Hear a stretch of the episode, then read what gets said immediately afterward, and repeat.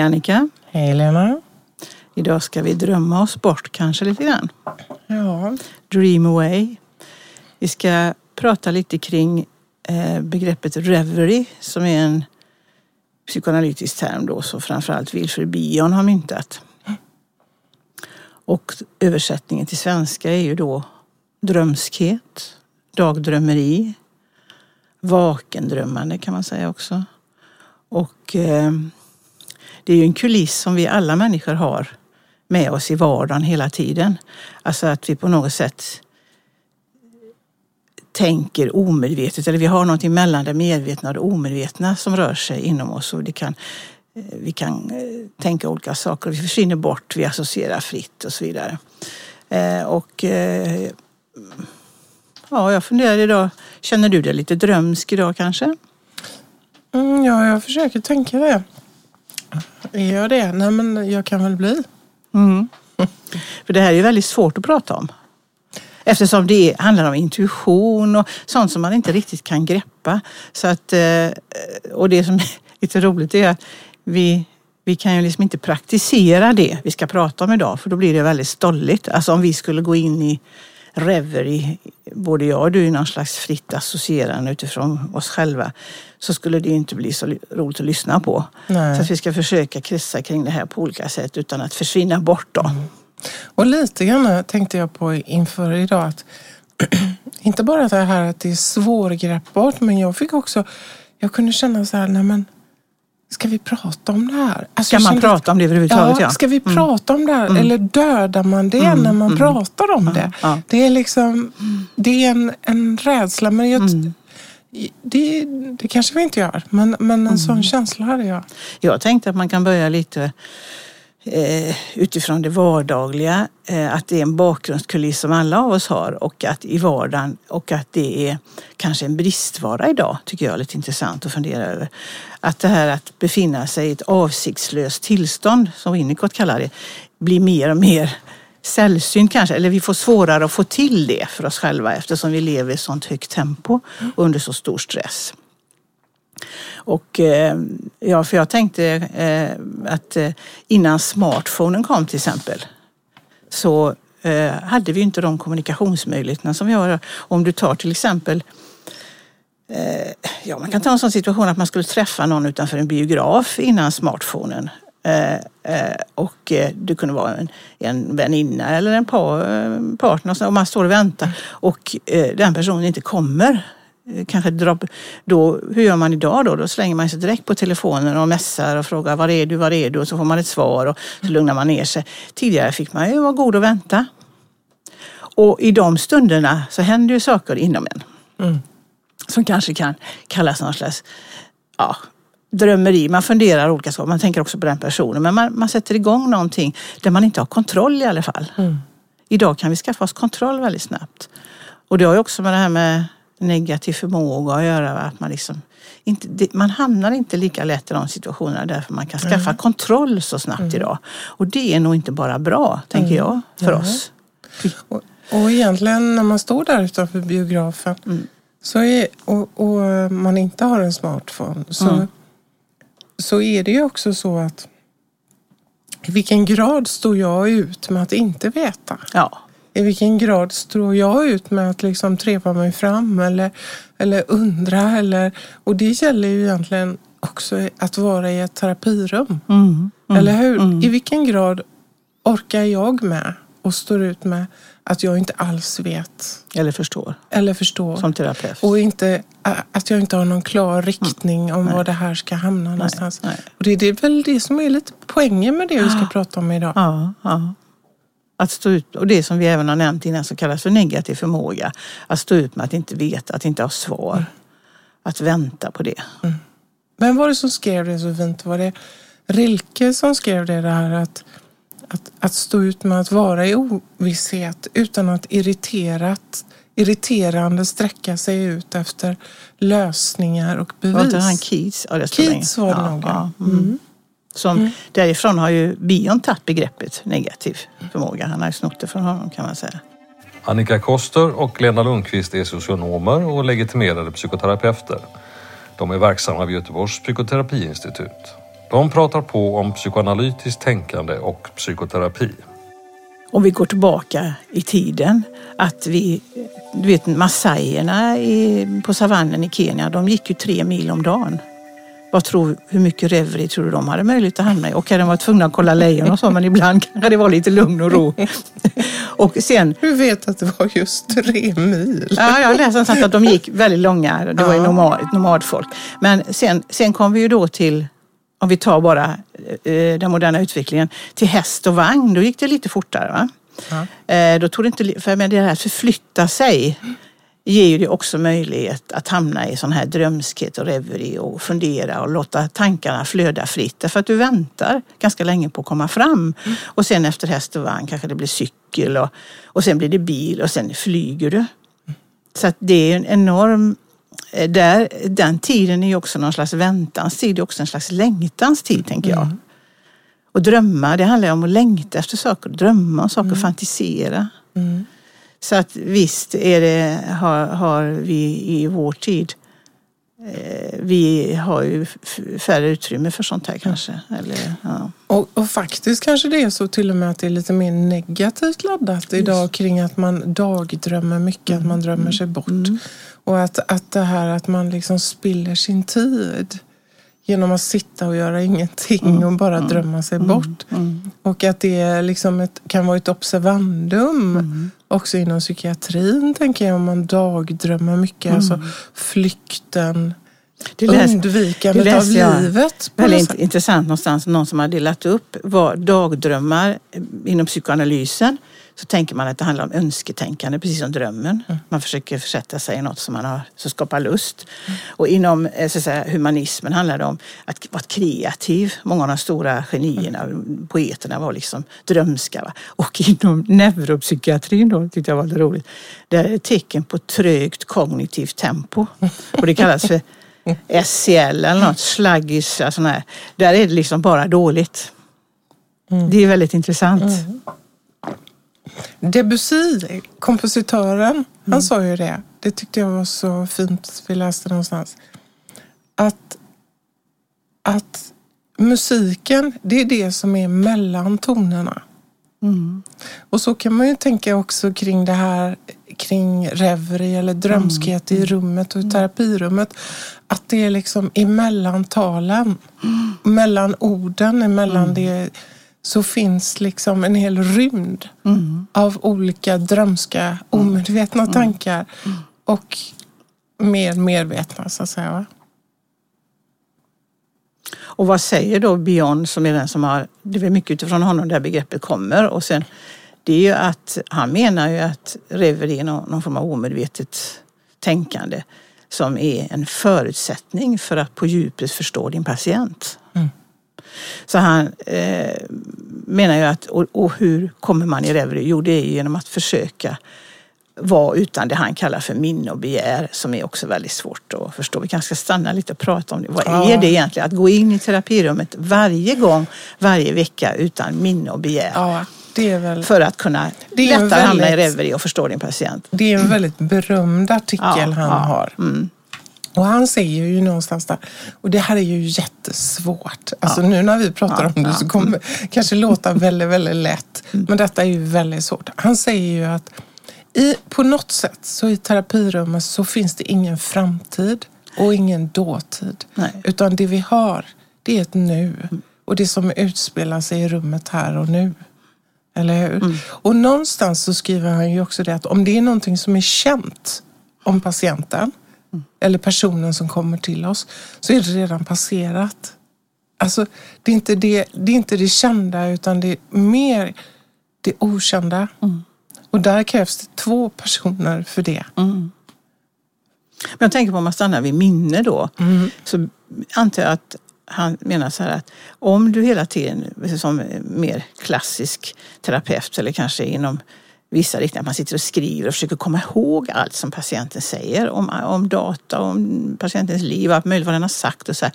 Då, och så tar man med sig det till nästa session för att på något sätt använda det, då har man ju inte gett patienten möjlighet att börja från ruta ett igen. Alltså det, noll, det ska nollställas varje gång på något sätt tror jag han menar.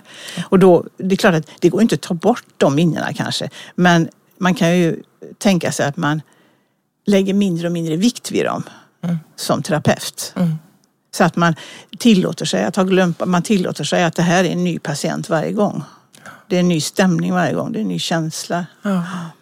Och, då, och det, det här är ju jättesvårt. Mm. Och för oss terapeuter, det måste vi ju ändå säga. Ja, ja, ja. Och den där artikeln den har man ju haft med sig genom alla år. Och, och, den dyker upp liksom gång efter annan. Och man inser att man liksom inte till fullo kanske i ögonblick, mm. kanske i stunder liksom mm. är det det. Mm. Men det är ju väldigt, väldigt svårt att arbeta mm. liksom rakt av på det sättet. Ja. Men han ger ju massa goda råd där. Ja. Han säger att så fort man kommer på sig av att man försöker komma ihåg vad ja. patienten eller personen mm. sa förra mm. gången, då ska man aktivt motarbeta det. Försöka liksom förstå eller tänka, nej, nu, ska jag, nu är jag här. Mm. Nu är det här nytt. Mm. Och lite som du är inne på, han menar ju på då att gör man det så kommer varje session att bli en, liksom en helhet i sig. Mm. För sig själv. Men, men jag tänker det att det var ju några, några kritiker som var kritiska till den här artikeln då. Som menar på att då kan man inte ta betalt som terapeut. För att många tänker ju att en terapeut eh, eh, antecknar allt jag säger, skriver ner det, tänker om det och, och liksom lägger det på minnet. Det är precis det som många kanske förväntar sig att vi ska göra. Det ska vi inte göra då enligt Björn. Så det, mm. det där är väldigt intressant. Mm. Att för att det minnet kan då skada processen, det är det han menar. Mm. För då lägger jag det på Mm. Och begäret är lite lättare att förstå därför att det mm. handlar ju om terapeutens begär. Mm. Jag ska ju, och det är också väldigt svårt, för om du träffar en patient så har du en tanke om att det här, det här ska hända med den här människan så blir det nog bra. Även om du inte vill det så tror jag du tänker det. Du kan tänka, åh vad roligt om hon eller han träffar någon, åh vad roligt om de gick en utbildning, åh vad roligt att de blev av med sina eh, tvångstankar eller fobier eller vad det är. Va? Någonstans har man det. Men det menar han, det är också väldigt ödesdigert för processen om patienten eller terapeuten är för upptagen av vad som ska hända mm. med patienten. Och då menar jag till och med eh, Björn att att helande och bot och läkande det är bara en biprodukt av psykoanalytisk mm. terapi och psykoanalys. Det är en biprodukt. Det, det, den viktigaste grejen är att försöka med sitt eget omedvetna förstå patientens omedvetna för att på så sätt hitta ord för det mm. som finns inom patienten. Alltså mm. småningom kunna verbalisera det. Va? Mm. Och det är ju eh, det, är det som är vårt uppdrag. Och sen vad det leder fram till, det är en annan... Ja, han skriver ju där att vi ska passa oss liksom för det här med bot och mm. Och, och, att försöka tänka att vi ska bota patienter. Det finns också en väldig omnipotens i det. Eller hur? Mm, mm. Någonstans kommer en person in i mitt rum med sitt lidande ja. och jag finns där liksom för att ta emot det och, mm och vara med på den resan. Men, men det, finns, och det finns ju också någonting väldigt exkluderande när man tänker nu ska vi åt det här hållet. Och mm. många terapimetoder bygger ju faktiskt på detta. Absolut. Vi ska åt detta hållet. Du ska lära dig tänka på ett annat sätt. Du ska ha strategier. Du ska ändra ditt mm. beteende. Och någonstans exkluderar det ju hela den drömska världen. Mm. Eh, och den omedvetna världen. Ja. Och det som Björn skriver, det är ju att när, när, när vi under stundom liksom kan hålla oss i drömmandet, ett gemensamt drömmande mm. med patienten. Mm. Hur märker man då, vad är framgång i, i de här behandlingarna eller i terapierna? Jo, det är att bredden och djupet blir större kring associationer, mm. kring, liksom, kring tankar, kring mm. Alltså att någonting har varit mera tillknäppt och låst och helt plötsligt får det ett bredd och ett djup. Och det kan också visa sig att, att det öppnas upp för metaforer Aha. som blir gemensamma för patienten och terapeuten. Man hittar bilder mm. som man liksom beskriver saker med. Som ett sätt att symbolisera olika... Jag, vet, jag hade en patient, en ung kille en gång som alltid... Vi hade ett begrepp som hette Nu är jag inne i bunkern igen. Och det betydde det något speciellt. Va? Det betydde att han drog sig tillbaka från världen och, och med sin problematik. Så, in i bunkern. Det visste jag och han precis vad det betydde. Det kan betyda olika men så hittar man ju sådana metaforer i processen. Så att man hittar ett eh, tredje område som man leker lite kring faktiskt. Ja, och det är väl det som Ogden, som är en teoretiker, mm. beskriver det här tredje området också. Att ett, ett drömmande i rummet skapar ett, ett tredje subjekt, så att ja, säga. Ja. Eh, som, som är det gemensamma i rummet. Mm. Ett, ett gemensamt drömområde. Det analytiska tredje. Ja, ja. Men, men jag tänker också på det här, för det här, är, det här är ju svårt och det här är ju sånt som vi pratar mycket om, vad som också rör sig i våra motorföring. Mm. För där finns ju också det här drömska. Vad är det, vad är det jag associerar till när jag mm. sitter i rummet? just med den här personen och mm. inte med den jag träffade timmen innan. Mm. Vad, är det, vad är det som rör sig i mig? Mm. Jag tänkte på det en liten kort sån här klinisk vignett men jag bara tog eh, en, en, situation jag bara, som dök upp i mitt minne eh, av en ung eh, patient som kommer in, en tjej, och lägger liksom kappan på divanen innan hon sätter sig i stolen och kappan är blå. Mm. och hur det kan gå till in i mig på något sätt. Att, man, att jag först ser den här blåa färgen och att den blåa färgen kanske leder till, det här är bara liksom en ström nu. Jag håller inte mm. på att bli galen Lena. Nej, nej, nej. Men, du är lite reverie nu. Ja, mm. lite reverie nu. Va? Mm. Nej, men det här blå, okej okay, blå eh, himmel och så börjar jag tänka på nej, det har inte varit blå himmel på jättelänge. Och så sätter hon sig i stolen och så ser jag också en orolig blick. Och då blir jag orolig. Jag får också en oro i min mage och jag börjar tänka jag borde ha ätit. Mm. Alltså det är många tankar som liksom flyter runt mm. i mig mm. utan egentligen mål eller mening. Och jag tänker på det och jag borde ha ätit lunch innan. Och samtidigt så ser jag henne och så tycker jag att hon ser mindre ut än förra gången. I stolen. Lite, mm. lite, och det väcker min omsorg och jag känner en viss ömhet mm. i rummet. Mm. Och jag tänker, och jag känner mig liksom väldigt stor helt plötsligt. Mm. Och så kommer jag att tänka på Gullock och de tre björnarna och den här lilla. Med mm, de, mm. Och så tänker jag, okej, okay, björn. Björn, är jag björn? Och vem sover i vems säng? Mm, mm. ja, så här, det är bara liksom ett exempel på mm. allt som liksom kan flyta runt mm, initialt under kanske bara någon minut.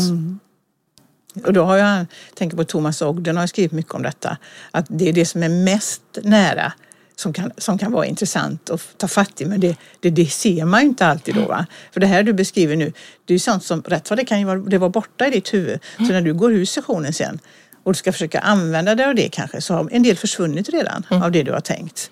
Så att det är svårfångat. Och, eh, men det är precis så det går till tror jag. Och, och det är också, där finns ju en skuld också, eller hur? Apropå att ta betalt. Att om man finner sig med någon patient, för det har väl hänt dig också antar jag, att man helt plötsligt har tappat vad har hon sagt? Eller vad har han sagt? Och då har jag försvunnit bort. Och då kommer ju en sån här, ibland kanske en, en då, då beror det kanske på någonting. Det är klart det kan bero på mig också, men det kan också bero på någonting i materialet som gör att jag inte ska vara med, utan jag ska försvinna bort. Va? Jag behöver fundera över det. Men då får jag ju ofta en omedelbar eh, skuld att jag måste komma ihåg. Va? Så att det är ju svårt att ta bort det här med minne och begär. Man, man, man kräver av sig själv att man ska lyssna och komma ihåg. Men att man kanske skulle där, redan där fundera lite över det. kanske ingen slump att jag just nu tappade tråden. Och det är det jag ska istället ägna mig åt att fundera åt efter sessionen. Vad kan det ha att göra med den här mm. patienten och, och dens inre värld så att säga. Och någon har ju sagt det att det som behöver komma tillbaka, det kommer tillbaka ja, ja. av sig själv. Det mm. som behöver mm. dyka upp mm. igen i rummet, det kommer att dyka upp. Men det är ju faktiskt väldigt intressant. Björn skriver ju på något annat ställe. Eh, i, eh, eller det är faktiskt Ogden som skriver om Björn att, att det här med att alla människor besitter den här potentialen för att, att liksom omedvetet så, så, så drömmer vi egentligen både i vaket mm. och i sovande tillstånd. Mm. Så det pågår hela tiden i oss samtidigt. Och det är kop- vi har liksom en potential för att kunna processa det vi upplever i livet. Som att gå på toa eller, eller åka spårvagn eller, eller vad det nu kan vara så har vi också hela tiden ett omedvetet drömmande i relation till det. Och där är Björn lite intressant tycker jag i relation till Freud. För att mm, Freud, han, där, där är det mycket det här att med, medvetandegöra det som befinner sig, eller det som rör sig i det omedvetna. Men Björn har en lite annan rörelse där. För han tänker ju så här att, att levda upplevelser, saker och ting vi är med om i vårt liv, det, det förpassas också ner mm. i vårt omedvetna drömmande mm. för att där liksom kunna tas om hand. Mm. mm. Och i, I en artikel jag läste var så fint tycker jag att egentligen det här när Freud kom så helt plötsligt så fanns det en tänkare till allt det tänkta. Mm. Som mänskligheten har gått omkring med. Mm. Det här har ju varit så länge ja, vi har funnits. Helt plötsligt fanns det en tänkare mm. om det mm. Tänkta. Mm. Som vi har gått omkring med. Mm. Men nej, detta är intressant för att Freud pratar, han har ju det här med sina topografiska modeller och det här med medvetet och omedvetet. Och han har ju liksom han klart han har något som heter förmedvetet också, det kanske är lite reverie, men annars är det så att när det omedvetna sköljer över i människans medvetna, då blir du galen på något sätt. Att han, men bion har en mycket mer raffinerad och sofistikerad syn på det. det, han, det han, han har något som han kallar för kontaktbarriär. Och bara det ordet är väldigt fint. Kontakt och barriär. Det är alltså paradoxalt. Va? Både kontakt Och barriär. Och då menar han att mellan det medvetna och det omedvetna i oss alla så för att vara en levande människa och ha psykisk hälsa så måste man ha en form av eh, så att säga, öppenhet mellan det medvetna och det omedvetna hela tiden. Och det menar han att man har vid hälsa. Och det är det precis som du säger, va? då påverkar ju det medvetna det omedvetna hela tiden. Det omedvetna påverkar också det medvetna och det går fram och tillbaka. Och då kontaktbarriär, om det är så att det finns ju två ytterligheter då. Det ena är ju eh, barriär, när det är helt stängt. Det, han menar när kontaktbarriären bryter samman, då blir människan sjuk. Va? När det är helt stängt, då får man en normopatisk personlighet, en rigid personlighet va? som inte har ett djupseende. Och när kontakten, när det inte finns, när, eh, när det, när, vad, det andra, vad är det andra då? Jo, när det är liksom öppet helt. va Antingen stängt eller helt öppet. Där det inte, för att den här kontaktbarriären betyder att det ska inte vara helt öppet heller utan det ska röra sig lite grann sådär ja, det är inte intressant. När det är helt öppet så är man psykotisk. Mm. Då har man översatt. Så detta mm. tycker jag är jätteintressant. Mm. Och då är ju eh, Reverie är ju liksom ett vakendrömmande. Som, det är väl där i som det rör sig. Ja. Så de stunderna är kanske då viktiga för oss också, apropå det här i modern tid. Mm. Att få vara i. Att, att dagdrömma och så vidare för att uh, kunna, för att må bra helt enkelt. Mm. Han talar väl egentligen om tre olika sorters nivåer. Först den rationella, mm, medvetna. Mm, mm. Och sen så finns den här förmedvetna, lite mer ja. reverie, ja. som är dagdrömmandet. Ja, Freuds ja. förmedvetna kanske. Och, och sen det omedvetna drömmandet. Som tre, Och de, det är en konsert, skriver han så fint om det, det här. Det, de spelar ihop. Va? Jag har drömt jag skulle sjunga vad jag känner. Hur jag hatar, hur jag älskar, hur jag bannar, hur jag ber, hur i vanvett jag flyr från mina vänner och i mörkret till den okände ber. Jag har drömt att jag en visa skulle sjunga om alla själars fasor, alla himlars ljus, om när all världen jag ser dansa och gunga och darra i dåraktigt rus. Dikt av Dan Andersson. Och grunden är väl också då huruvida det här, apropå kontaktbarriär, så kopplar han ju det till mammas reveri från början. Alltså mammans förmåga att, vara, att drömma det barnet upplever. Alltså ta emot barnets mm. upplevelser, drömma om det, mm. ge tillbaka ett svar. Mm. Och det här är ju liksom, vad är det här? Vad då ja. mamma drömmer? Mm. Men det är ju liksom att uppfatta de små subtila mm. signalerna mm. och det som barnet placerar i mamma och ta hand om det, mm. smälta ner det och drömma om det mm. och ge tillbaka det i en form. Han talar om att, man, att mamma avgiftade, det kan ju vara vrede, mm. hunger, all skrik, allt sånt där. Men att det sker någon slags avgiftning. Mm. Och att det om, omvandlar den här upplevelsen som barnet har till någonting som är liksom bärbart. Mm. Och det är, för att använda Freuds gamla begrepp, det är väl det här att mamman gör sig väldigt, väldigt receptiv för barnets omedvetna behov. För barnet kan ju inte förmedla det riktigt mer än att skrika. Och det är det som är den här alfafunktionen också, som jag pratat om innan. Va? Och det, för att komma i den krävs ju reverie. Så att man har, för att det är att försätta sig lite mer ja, så att man kan leva sig in i det, inlevelse och intuition också som också är ett svårt begrepp. Intuition, du måste känna barnets smärta för att kunna hjälpa det kanske nästan. Och det där tycker jag är lite intressant för att det här är, då menar ju bina, det är ju liksom mammans eh, funktion då och, där, och då även terapeutens. Men det är en viss skillnad där som jag tycker är intressant. När man gör det här med ett barn, ett nyfött barn, ett litet barn, så gör man det mycket genom fysiska beteenden. Man håller, man gungar, man, man liksom gör olika saker. Man talar också, men man gör väldigt mycket fysiskt och det gör ju inte vi med patienterna. Så därför tänker jag att det är ännu svårare. Det här, det här är svårt som terapeut att, att liksom kunna jobba med detta därför att du kan inte använda de tilläggen. Att du smeker och klappar på någon. För det är ett sätt att tala om, jag bryr mig om dig, jag förstår det. Man liksom tar ifrån, det kan vi ju inte göra. Så där har vi en, därför så betyder det att vårt autentiska uttryck är ju väldigt viktigt. Att vi är levande i stunden med patienten. Och det är också, hur är man det? Men det, är liksom, det har ju naturligtvis att göra med hur mycket du har kontakt själv med ditt omedvetna. Och hur din kontaktbarriär ser ut. Att, det faktiskt, att, du, inte, att, du, att du släpper den här analytiska eventuella tekniken. Och det är ju det att du är det själv viktigt. helt enkelt. Ja, ja, Att man måste i någon mån vara personlig ja. och vara i sig själv mm. för att kunna vara någon mm. annan till liksom mm. Ja, att någon annan ska mm. kunna använda sig av mitt drömmande mm. eller vice versa. Men jag tänker där, för vi pratar ju ofta om föräldrar och det, det, det här är ju svårt. Det är ju människor som lyssnar på detta kanske men herregud, hur ska man kunna klara det och gå omkring i rever i detta? Vad är detta för någonting? Men det är ju faktiskt så att det här, det här är liksom, finns det, det, det, är man ju hela tiden. Ja, ja, ja. vi tänker hela tiden. Mm, och, mm. och så vi är liksom också biologiskt mm, funtade så, så att vi tar mm. emot barns signaler, mm, ger dem mat, alltså erbjuder det här.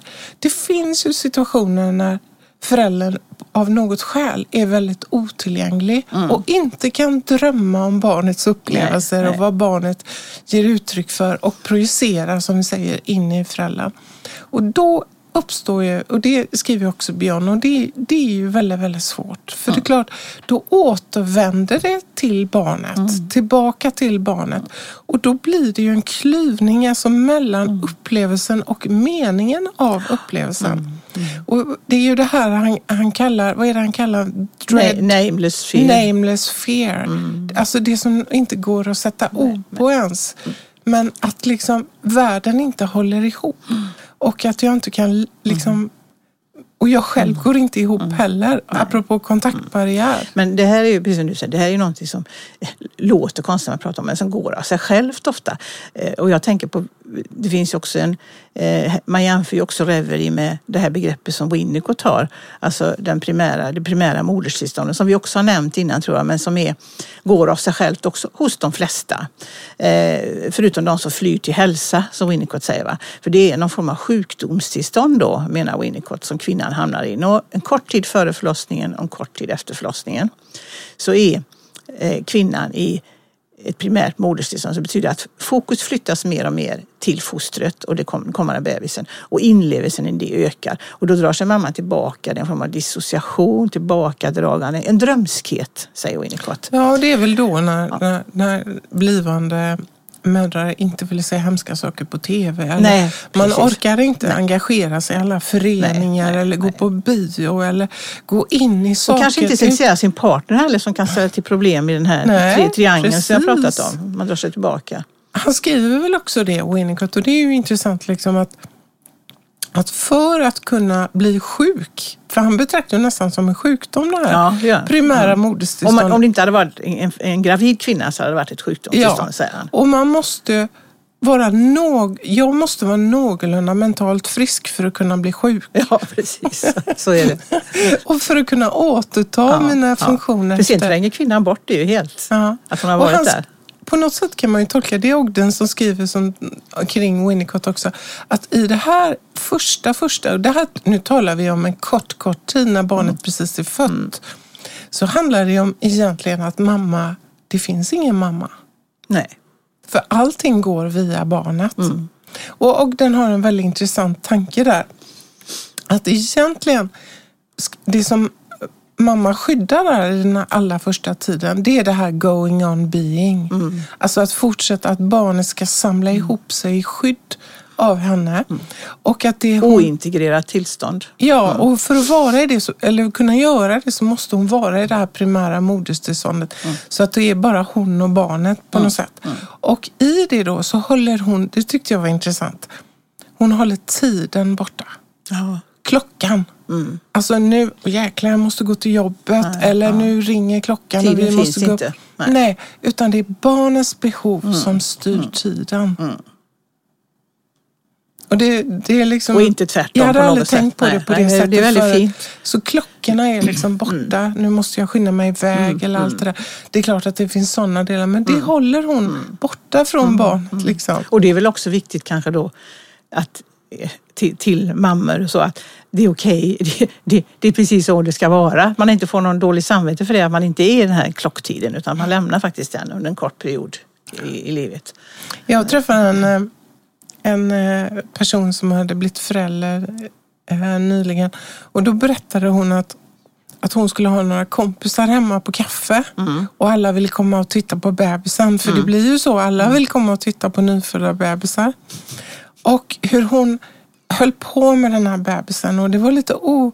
Det är ju alltid osäkert i början. Och vad är detta och behöver hon mat eller vad är det för någonting? Så att de där två, de satt där och väntade vid köksbordet och det kom aldrig något kaffe. Nej. För hon var så i det hon var i och hon fick skuld efteråt. Ja, ja. Nej, de fick ju inte något kaffebröd, ingenting och jag var ju så tråkig. Men det är precis det. Att, att vara så upptagen av sin bebis så det blir sekundärt. Ja. Precis. Men sen kommer ju mamma ur det.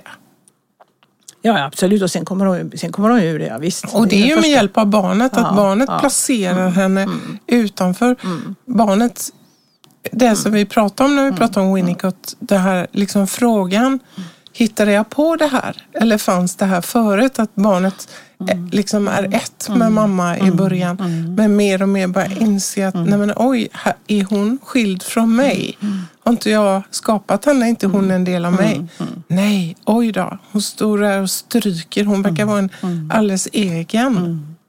Och det är väl det som Winnicott menar när han pratar om det här med att den här formen av terapi eller analys betyder ju kanske är också en form av insiktsterapi men det är, det är liksom det sekundära. Det primära är att en patient får befinna sig så mycket som möjligt i rummet i ett avsiktslöst tillstånd och låta så att säga, associationerna flöda fritt. Och det är ju det vi ska tillhandahålla då och då behöver vi vårt eget Reverie för att kunna göra det på olika sätt. Va? Men det är det som är det ultimata, att man känner att här finns inga krav, jag behöver inte prestera, jag behöver inte leverera något, jag behöver inte berätta hur det gick förra veckan. Alltså jag, behöver inte, jag kommer bara hit. Eh, Jag kommer bara hit som jag är idag, just nu. Och det är det vi pratar om och det är det som är viktigt att förstå något kring. Och vägen är väl via den fria associationen. Ja. När man kommer in till terapin, att man inte behöver liksom berätta allt som har hänt sen förra gången som du säger. Utan man kan ta vid precis vad man kommer att tänka på när man kommer in i rummet. Och att det är liksom, det är där det börjar på något sätt, röra sig. Och att ingenting är egentligen för skamligt eller för dumt eller för Nej. litet att Nej. liksom att Nej, prata det, om. Nej. För det ena kan vara en nyckel till något annat Ja. och så förstår man något nytt om sig själv. Ja. Och det är det Bion tror jag, att han hävdar det här med Reverie då som är en, en, en, ett, en terapeutens, att det är ett instrument som terapeuten måste försöka hitta ner i och så lämna den vetenskapliga delen så mycket som möjligt. Det är ju för att man ska kunna, att det ska komma fram någonting nytt, någonting oväntat, någonting som man öppnar inte möjligheten för det annars. Om man inte försöker träna i alla fall och gå in utan minne och begär. Han la ju till understanding sen också. Utan förståelse, tror jag. Minne, begär och förståelse. Just det. Och vad, vad blir kontentan, eller kontentan nu när vi ska prata lös, vad blir det då? Nej, men om, om det är så att det här mm. drömmandet kan mm. vara mer och mer i mm. rummet mm. så kan man ju tänka att det, det är väl det han skriver som jag var inne på mm. förut. Att på något sätt så ökar liksom förmågan att tänka kring sitt liv, sina mm. upplevelser med, från flera olika håll. Och från, med också alltså, docka till kanske historien, vad som har hänt och mm. se den också i och ett annat ljus. ord framförallt på det. Alltså metaforer och bilder. Ord. Alltså det som varit ordlöst mycket, för det är mycket ordlöst, det kan man över tid och därför kan det behövas lite längre tid i terapi för att kunna sätta ord och verbalisera det. Och då får man ju någon form av, då får man ju ett annat lugn i sig när man satt ord på det. Så det, det, här är ofta ett material som är ordlöst som kommer upp och så hjälps man åt tillsammans då.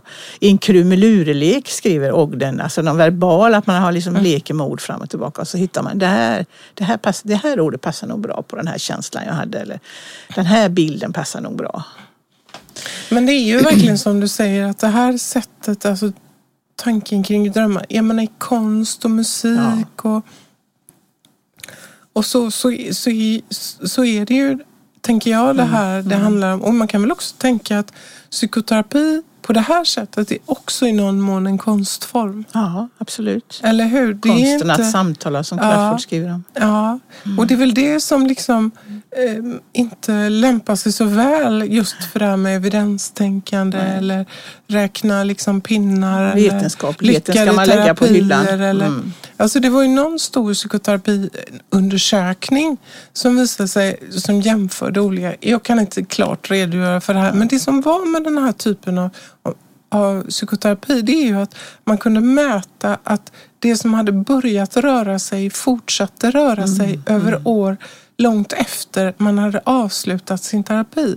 Det vill säga det där gemensamma drömmandet som hade uppstått i rummet det fortsätter man med mm. Tillsammans med i någon slags inre dialog. Mm. Och därför är det väldigt svårt att mäta mm. faktiskt. Mm. Jag tänkte, Freud har också skrivit, har också skrivit en artikel som eh, jag inte hade läst innan som heter Diktaren och fantiserandet. Där han då jämför barnets lek med den vuxnes dagdrömmar. Han menar på att det är bara ett annat sätt att leka på som vuxen, att dagdrömma. Och eh, dagdrömmandet jämför han med diktarens eh, konstverk, liksom med, med, med, lyriken eller med, bo, med författandet. Liksom att det, det kommer ur dagdrömmar alltihopa. Så att han tillskriver ju det en stor betydelse för litteratur och konst. Men det han tycker, det som han säger, det, det är ju intressant att ursäkta mig, dagdrömmen då till skillnad från drömmen Alltså om jag skulle fråga dig vad du dagdrömmer om skulle du aldrig säga det för det är så pinsamt. har ägnat sig åt sådana här dagdrömmar som kanske handlar både om liksom hjältar som man gör fantastiska saker eller erotiska drömmar så, så är det ju väldigt skamligt att berätta om dem. Eh, så att, eh, medan du skulle kunna berätta kanske om en nattlig dröm. Mm. Därför den har en ram. Mm. Det är det som är intressant. När, mm. du, är, när du sover eh, som skiljer drömmen på natten från dagdrömmen det är att nattens dröm har en ram. Du är i princip medvetslös. Medvetslös Därför har du ingen... jag inte. Ja, jo, men när man sover är man ju medvetslös mm. på något sätt. Mm. Och då, då har man inget ansvar för den. Mm. Men därför så springer vi inte runt och berättar om våra dagdrömmar. För då, det, det, är bara pinsamt och, skam, och, skamligt så att det skäms man för. Och det, det skriver han om där också. Då, mm. Men och så det här att den vuxnes dagdrömmar, som han säger, den, den skulle, det skulle vi kanske tycka bara var pinsamt eller vi skulle inte tycka det var intressant att höra på. Men däremot så tycker vi det är fantastiskt att gå på teater och höra ett stycke och läsa en bok. Vad är det som gör att diktaren då och även kan förmedla detta till mig? Så att det inte, alltså det här det har han ju inget svar på. Han bara mm. frågar sig det. Mm. Vad är det i konsten och i dikten och det kanske gäller musik och måleri också va? Som gör att en person en konstnär kan förmedla någonting till mig mm. som rör något dagdrömmeri hos mig eller något reverie som gör att jag blir berörd. Ja. Det kan ju inte alla va? Nej. Jag kommer att tänka på nu på på August Strindberg, ett ja. drömspel mm. som han betraktade själv som sitt främsta verk. Ja. Som ju rör sig precis i de här mm. utanför tid och rymd. Liksom. I förordet till ett drömspel skriver August Strindberg. Tid och rum existerar icke. På en obetydlig verklighetsbakgrund spinner inbildningen ut och väver nya mönster. En blandning av minnen, upplevelser, fria påhitt, orimligheter och improvisationer. Personerna klyvas, fördubblas, dunsta av, förtätas, flyta ut, samlas. Men ett medvetande står över alla. Det är drömmarens. För det finns inga hemligheter, ingen konsekvens, inga skrupler, ingen lag. Och det finns ju mycket inom mm. litteratur till exempel. Mm. Som rör sig i mm. de här drömska sfärerna och som mm. väcker vårt eget drömmande. Mm. Och precis som du säger, och konstverk också. Mm. Vad är det som gör att man blir berörd av ja, något? Ja, vad är det? Ja, ja. Det är ju naturligtvis någonting som jag har i mig. Och, ja, och då är det kanske konstnär, eller artistens omedvetna som når mitt omedvetna. Mm. Det är precis kanske det som vi ska försöka träna på i rummet. Det är det som gör att jag blir berörd. Och det är ju att bli berörd som all terapi handlar om naturligtvis. Att få upp det som, ja, som är viktigt för dig och som det blir. Så det är ett djup, djupseende liksom. Mm. Eh. Men det, alltså det här vi pratar om idag. Mm. Det är ju lite som du säger, dagens Alltså i vardagen, vi pratar ju inte mycket om det här. Nej, nej, det är inte det nej. som står i tidningarna. Vi, vi dagdrömmer, vad dagdrömmer vi om? Aha, eller vad, vad finns i vår reverie? Vad, ja, vad, vad ja. rör sig mm. i oss? Att ha liksom tillgång till det här, det, det, är ju inte så. Utan det rör sig väldigt, väldigt ofta mycket på en konkret nivå. Mm, mm. Eller hur? Mm, det, du tar det här exemplet med med mobiltelefoner. Ja. Och det, det är ju inte mobiltelefonen i sig utan det är ju också en bild av ett mm. sinnestillstånd. Mm. Ja. Att vi ska producera, mm. lösa, mm. vara lö, lö, lönsamma, mm. eh, jag, inte spilla Jag tänkte på en grej som, jag, som hände mig häromdagen. Att jag skulle baka ett, ett, ett nytt bröd. Och så hade jag hittat någon extrakt på Coop som var någon slags surdegsgrej då, som, som man skulle knåda. Och då skulle man knåda för hand i 20 minuter och maskin 10 minuter. Och det är ganska länge, 20 minuter för hand knåda. Och då tänkte jag är också produkt av vår tid, tänkte jag så här, nej men jag måste göra någonting då under tiden. Så, så, så slängde jag på mig headsetet och tänkte jag får lyssna på en ljudbok eller något. Ta fram någon klickar. Och då ganska snart, det här händer ju oss alla hela tiden, så har jag lyssnat på den här handlingen, den här boken, så rätt vad det är så tänker jag, nej nu har jag inte lyssnat, jag har ingen aning om vad det här handlar om, nu får jag spola tillbaka. Så att då har ju mitt Reverie, det har, det, så att det har trängt bort det här och så har jag gått in i någon slags, det är väldigt bra kanske att stå och knåda deg 20 minuter utan att ha på ett headset för då kanske jag kommer in i något annat och även om jag försöker att stävja det så kommer jag ändå försvinna bort från det jag ska lyssna på. Va? Och då är det, och det där är, hamnar vi ju hela tiden och det är inte ens säkert jag kommer ihåg efteråt om någon frågar mig vad tänkte du på när du knådade deg? Så kanske inte jag kan svara på det. Nej. Men jag ger mig själv en tid att drömma mig bort liksom. Mm. Som, eh, ja, och, men man kan ju också tänka sig om man liksom det, utifrån det du säger, det här, det finns ju också människor som, och det kan man väl känna igen oss själva, att alltid vara i rörelse. Ja. Mm. För att inte stanna upp. Mm. För i det här drömmandet, vad finns där? Vilar det depressioner, mm. hat, mm. andra begär liksom. Um, att alltid befinna sig i rörelse och aldrig liksom hamna i de här tillstånden är ju också ett sätt att skydda liksom, ja. mig själv från kan, ja. det som jag... Det inte... behöver ju inte bara att inte tiden räcker till. Nej. Utan det kan ju vara att jag är rädd, apropå psykofobisk hållning som vi pratade om förra gången. Jag kanske är rädd för det mm. som finns här inne så därför så ser jag till att vara i aktivitet hela tiden. Men jag tänkte innan vi slutar, jag skulle väldigt gärna vilja prata om en grej som jag hörde på något som hette veteran-tv för flera år sedan. Så jag kom ihåg begreppet, det heter gerotranscendens. Jag slog på det då. Och då är det en sociologisk eh, professor som heter Lars Tornstam som har satt det begreppet. Och det är jätteintressant. Han menar det att i, i takt med att vi blir äldre så sker det en perspektivförskjutning från ett mer logiskt rationellt tänkande till ett mer transcendentalt tänkande. Så att vi till exempel, eh, ju äldre vi blir desto mer finner vi att vi kanske väljer bort visst umgänge, vi begränsar dem vi vill vara med, vi njuter mer av det här ensamma, kontemplativa, sitta för oss själva och tänka. Och vi lär känna oss själva lite bättre och har inte lika ont av det här att vi inte förstår allt och så vidare utan vi liksom låter. Och det kallar han för gerotranscendens. Och det menade han att det blir starkare och starkare ju äldre du blir. Och är inte det fantastiskt fint? Mm. Därför att om det är så, för jag tänker på, du vet den här eh, Utvandrarserien, de, den går ju nu igen den filmen. Men jag tänker på den förra filmen med Jan Troell. Om du minns där, det, var, jag kanske, det kanske var flera filmer, men i slutet där, det sista brevet till Sverige, den sista boken han skriver då, då när Kristina är död sedan många år, så sitter Karl Oskar där i en gungstol. Kommer du ihåg den bilden med glaset? Mm. Och sitter så här halvsovande. När du ser en sån här gammal människa som sitter så där, tänker, åh fy vad hemskt att bli gammal, han ser alldeles väck ut. Och då skickar ju då i filmen, då kommer det fram bilder när Kristina med långa flätor, när hon gungar där i, i om det är i skogen, är så lycklig när de ska träffas, när de är förlovade. Alltså förstår du? Mm. Det här att när vi ser så kanske det är så att en sån gammal människa kanske har ett enormt rikt inre liv då. Som är det han kallar för gerotranscendens. Att man sitter i, och, och, och, och liksom njuter av gamla minnen och så vidare. Och det, ja, vi får ju hoppas att det är så. Mm. Det kan hoppas. Men varför skulle det vara enbart, för jag tänker det gör väl yngre människor också. Men, nej, men, men jag, kring barndomen. Ja, nej, men jag tänker att, om han, jag vet inte om han skriver det, men jag tänker att han menar väl att det här, jag antar att det kan vara så att det kanske är en ren biologisk funktion ja, okay. som vi har fått för att mm. klara av åldrandet. Så tänker jag om det. För att klara av, för att, klara av att helt plötsligt inte kunna röra sig, kanske mm. bara sitta sig. Så har man istället flyttat det inåt och mm. lever i, i massa olika världar här inne. Mm. Och då tänker jag, då kanske det är jättehemskt med alla mediciner, tänker jag. Mm. lite mm. apropå åldringar och psykofarmaka och så. Mm. Men ja, inte så det. äldre drömmer mer?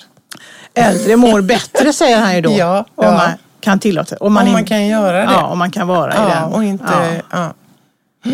Så det kan ju vara en, en biologisk mm. funktion som mm. sätts in. Det vore ju jättefint om det var så. Ja, verkligen. Det låter ju hoppfullt. Ja, vi satsar på det.